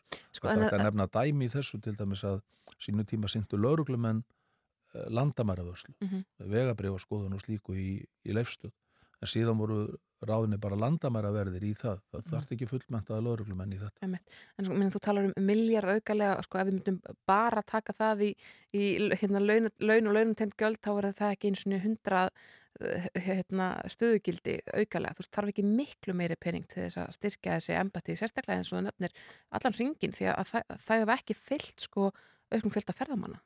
Já, já, sko þessir peningar sem við fengum núnum áramótin voru að hluta til eins og ég sagði til að gera upp halliðina ára á okkurnu lörglembættum og hérna og síðan að mæta vaksandi þörf uh, í ákveðnum mál og skerðingakrafa það er að segja sko hægræðingakrafan sem að gerðir á ríkistofnarinn hún var ekki gerð á lörgluna uh, það má vel vera að við þurfum meira í þetta og ég á alveg vona því þess vegna sagði ég á þann að mun, við erum að horfa sérstaklega til þessa málaflokkar þegar það kemur að gera fjármála áallan nú til fimm ára mm -hmm. sem eru afgriðt í þingjunni vor.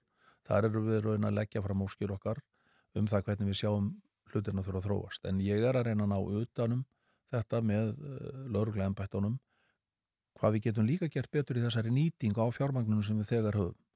Og það er mjög mikil, ég mætt mjög mikil velvilja og samstarfsvilja hjá ennbættunum, ríkislauruglustjóra til að mynda í þessu, þessari vinnu og þegar við horfum til þessara verkefna sem við varum að tala um sem ég vil þurfa ekki að vera unnar, unnin af lauruglumönnum og þetta á við víðar í kerfinu og, og hérna mögulegra tilfærslu verkefna þar sem við náum að styrkja laurugluliðin út á landinu um leið að nýta mannskapin sem þar er til staðar eh, betur. Maður þarf að sjá þessa hildarmynd byrtast en við erum klárlega á þessari vegferð. Æmitt. Já, það er, uh, það er Marti Mörgu. Jón Gunnarsson, Dómsmálaráður, takk kærlega fyrir komuna í morgunútarpið.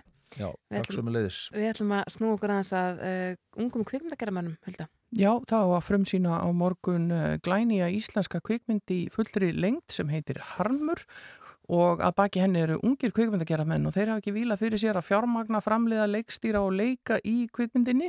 Þeir ætla að setjast hérna hjá okkur eftir smá stund Áskei Sigursson leikstjóri og aðaleikari og Halldór Ísak Ólason sem er einn af framleiðendunum. Og svo ætlum við líka á eftir að reyna að ná í hana Eddur Sif Pálsdóttur, hún er stödd í Kína á vetrarónlipjuleikunum, hefur verið að færa okkur fréttir af okkar fólki þar og við prófum að ringi hana undir lok þáttar. En fyrst er það frétta yfirlit frá fréttastofunum, við ætlum að færa okkur hér hinum með við gangin í húsinu og fá stutt frétta yfirlit og komum síðan aftur inn í morgun útarpið að því loknu þannig að fari nú ekki langt frá okkur.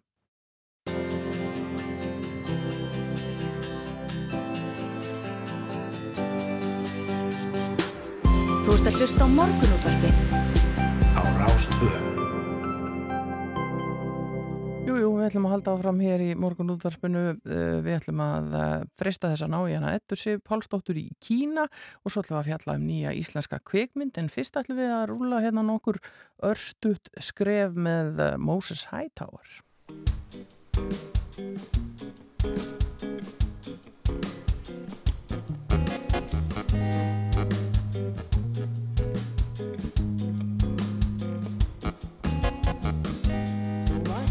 Kannski að stikla á stóru og fara greitt. Horfir ekki aftur en það ræðistu ekki neitt. En ef þér skrikar fótur er sárar að falla við. En ef þú hefðir hægt á þér og skoða betur malbyggið Taktu stuð, stuð, stuð, að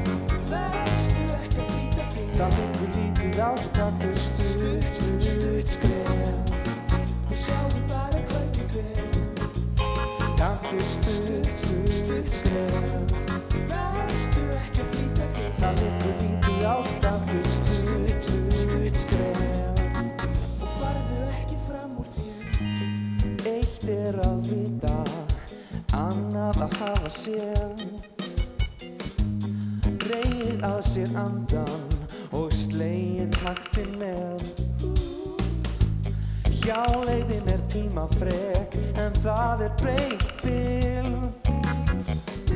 Á milli þess að lifa og þess að vera bara til Taktu stutt, stutt, stutt skref. Verðstu ekki að flýta þér? Það liggur lítið á svo taktu stutt, stutt, stutt skref. Sjáðu bara stutt, stutt, stutt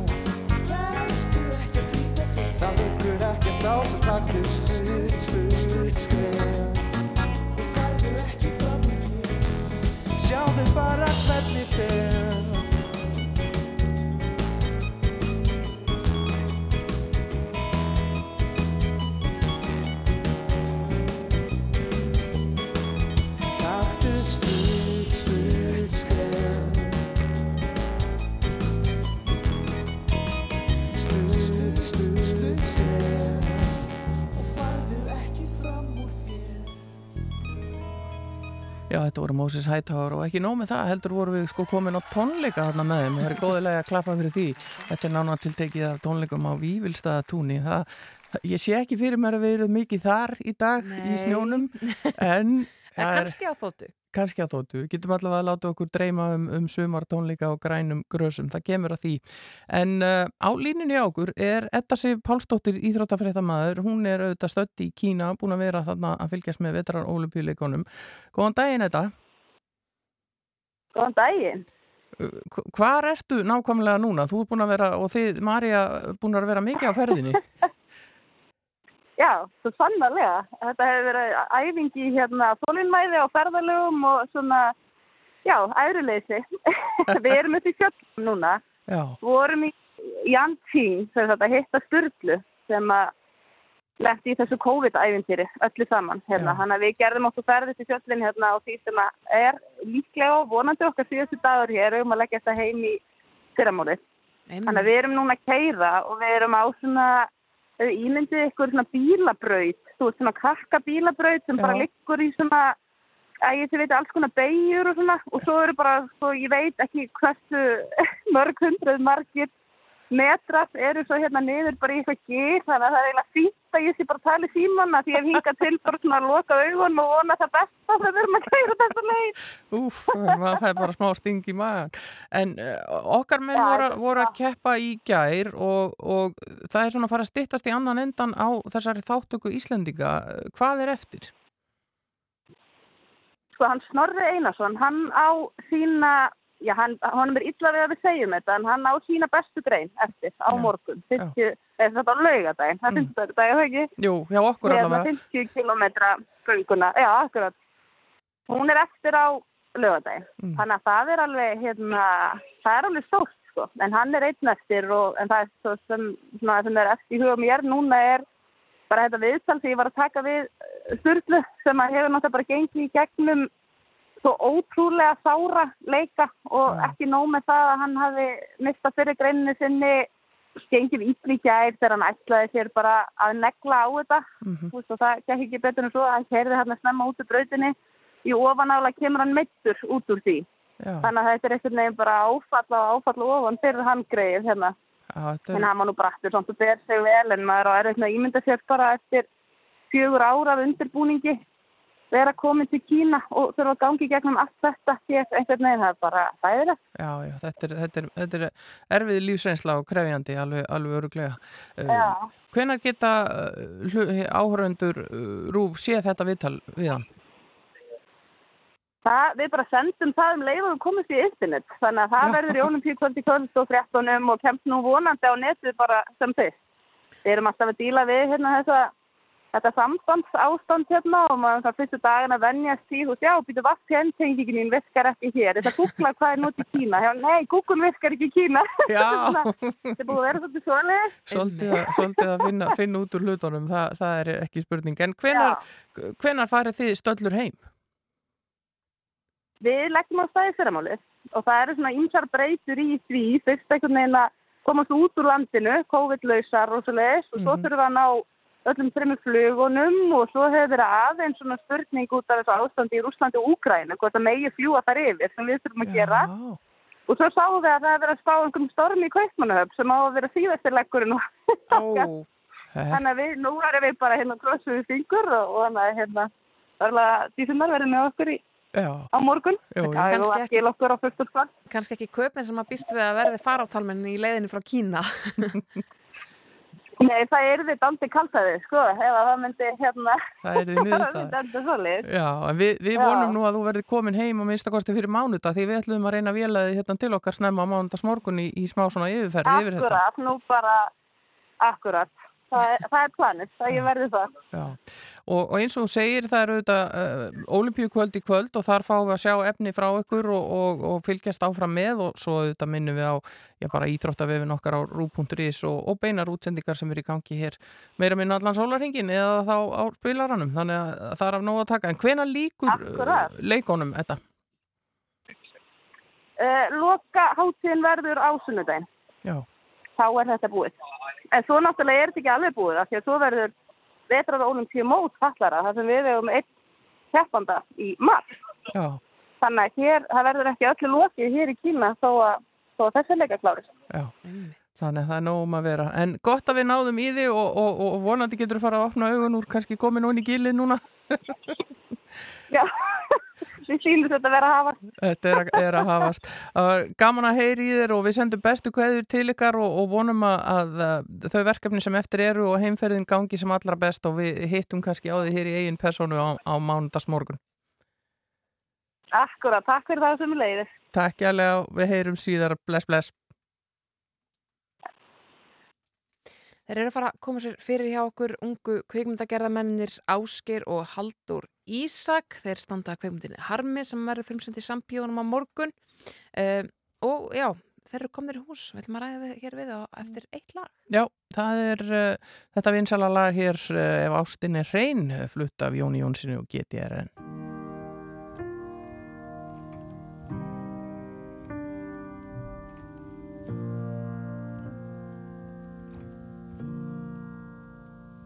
Þú falsar ekki kærleikan endur speklar sannleikan Ég sanna sést í augunum.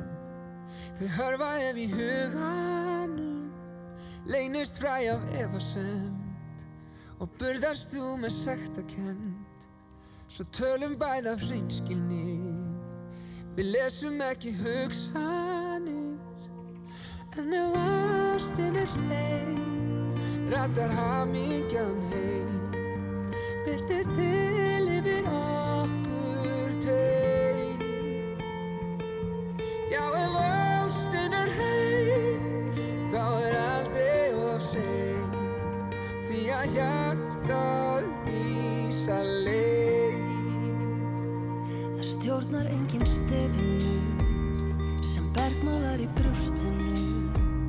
Það efast allir einhvern dag. Við vitum bæði allt um Lofir þú að hlusta á mig. Augliti til auglitis Finnum við fríð og Saman okkar eigin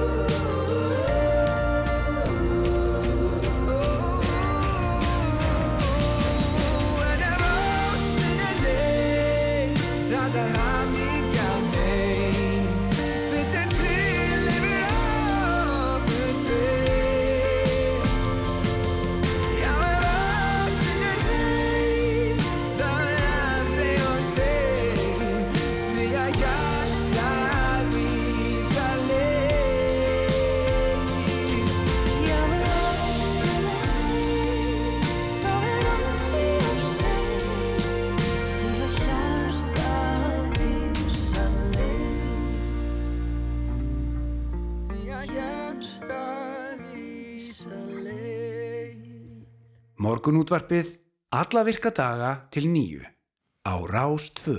Jú, jú, það var að síða á setni lutan hjá okkur í morgunútarfinu. Við erum hvergi hættar, hölda á snærós með ykkur og hér næst ætlum við að spjalla við unga kvikmyndagerðamenn sem eru sestir hjá okkur. Það eru þeir Áskir Sigursson leikstjóri og aðal leikari og Haldur Ísak Ólafsson framleiðandi kvikmyndarinnar Harms sem að verður frumsýndi í sambíónum á morgun. Velkomnir. Kanski betra að kveikja á hljóðunum honum. Það er alveg með á nótunum við það. sko, þetta er, þetta er kvikmynd í fullri lengt og ég veit að í- dag, í tækninu sem við höfum í dag og tækja kostinum og annað, þá er orðið auðveldar að gera kvikmyndir heldur en kannski í gamla daga þegar þurfti allt, allan hennan stóra og mikla búnað en samt að fjármagna framleiða og búa til heila bíómynd maður, það er nú bara meirinn að segja hvernig fóru það þessu? Já, þetta var svona þraut segja svona nokkra ára sem maður segir sko. Það var alltaf verið draumurinn þetta. vorum flestir í, í kveikmyndanámi og hérna og, og þetta kom svolítið svona út frá því sko. Anton, kollegi minn og meðlaugstjóri hann var í, í Los Angeles í skóla og hann kom heim sko þegar ég var að klára borgo ég er temunum yngri en hann Já. þá var ég tilbúin með bara smá svona handrit sko sem ég var að skrifa ekki ennum skólagönguna svolítið svona litla sögu sko þannig séð Já. og, og við fórum að tala saman og ég var með Haldur í, í Borgó og við fórum svolítið svona þrýr saman í þetta og, og hérna og við hugsaum bara já, af hverju ekki skilur, við erum allir að smá krosskutum hérna, við erum búin í skóla þú veist, af hverju hoppum við ekki bara á þetta Mhm. þannig að við svolítið rólum bara í það tókum bara frá, hérna, mætti segja næstu bara sömalaunin og hérna og bara fórum að gera um kvikmynd sko. Já. Einmitt. Og um hvað fjallar þessi mynd? Herðu, þetta er um tvo bræður þetta er svona, hérna, eins og maður segir svona karakter stötti og hérna ég sé satt leik eldri bróðurinn og yngri bróðurinn leikur Jónas Björn Guðmundsson sem er líka litlafrændi minn Mm. og hérna það kom svona hentulega eina því að maður náttúrulega ekki endilega ekki með svaka pening og hérna hann bara frábært sport að hoppa inn í þetta og ég viss alveg að hann var góð leikari sko. Hann leki í lokamyndinu minni í Borgó. Og hérna þetta er sem sagt um svona fjölskyldi í hólunum í Breiðaldi og mamman byrjar aðeins svona eitilögu neyslu og hérna og fjölskyldunum byrjar aðeins svona tvístarast sko. Og hérna og hún áfram selur hann í smá smá smikl og ég fari ekki að- kannski alveg út í það en, en Við hérna höfum ekki spilla neinu. Nei, ég var ekki að spila neina en hérna hann, þetta er sem sagt, ég þarf að leita á honum í gegnum einan nótt, sem sagt, eldri bróðurinn og myndin gerist rauninni í gegnum einan nótt þannig að Mm. byrja sem svona drama sem að dregst út í smá spennu og bara dregst yfir svona undir heimar ekki ykkur einan nótt Já. Einmitt. Og þið eru með uh, ekki bara óreinda leikara, heldur líka, líka reyndari leikara. Ísgerður er þarna til dæmis. Var ekkert mál að fá fólk í þetta með ykkur? Um, við sem sagt bara vorum rosalega reynskili með hvað þetta væri bara þetta væri lítið verkefni bara svona pínu passion project sem við varum að sjá um og við vorum bara rosa opinn við alla leikarana, bæði Ísgerði, Aldísi og, og fleiri sko Mhm. og þau voru, þau lásu all handritið og þau voru bara ótrúlega til í þetta. Mm. við bara sögum við getum bóðið þér, veist, þessi laun fyrir þetta. Og þau voru bara, já, við, ég er bara ég er bara algjörlega til í þetta. Þetta lúka mjög vel og þannig að þau hoppuðu bara í þetta alltaf með okkur og bara stóðu sér Sko frábælega áskil að tala um sumarlaunin, ég meina voru þið að borga ískerðið öðrum leikurum af sumarlauninu ykkar, er þetta fullkomlega fjármagnað með þeim? Já, nefnilega, þetta er, við erum ekki með KMI styrk, við erum ekki með, skilur, við vorum náttúrulega ekki komið dreifingur á sambjónum náttúrulega fyrirfram. Nei. Það var bara, eins og segja, þetta var bara eitthvað svona projekt sem við lögum peningin í uh, sjálfur og, og, og bara út frá drifkrafti á okkur og krúinu og fólkinu kringum okkur, bara náðum að gera þetta. Já. Og hérna, þú veist, við hérna, við náttúrulega vorum í borg og Anton var í LA og við vorum alltaf að sapna okkur á svona græjum og linsum og svona dæmi og hérna. Þannig að við vorum leið, við náðum að halda leigukostnaðanum sem alveg minnstum sko. Já. og ég skrifa svolítið svona í kringum staðsetningar sem ég vissi að við getum fengið Já. aðgang að, þú veist, þess að þetta tekið upp íbúinu minni og Halldóri og Antoni, og hérna og þannig að aðal svona kostnan sem fór í þetta var bara leikarar sko. Já, þetta, er- þetta, þeir eru mjög lausna með þeir og þeir eru nefnir Aldísi, þá erum við að tala um Aldísi Ama Hamilton, Hamilton, já. sem er Já. einmitt núna búin að slá í gegn í, í svörtu söndum.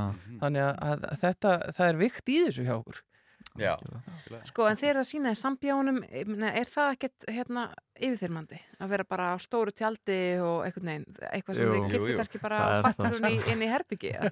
það er það, af því að þessi mynd náttúrulega segja, maður fer ekkert inn í svona mynd með lítið pening og, og svona litla hugmynd og bara eitthvað, ég ætla að fara með í sambjörnum það er bara svona, bara verður bara Nei, nei, hausin næri ekki utan um það alveg nákvæmlega. strax. En ykkur hefur gengið mjög vel, þeir eru búin að koma myndinni inn á til dæmis kvikmyndaháttíð.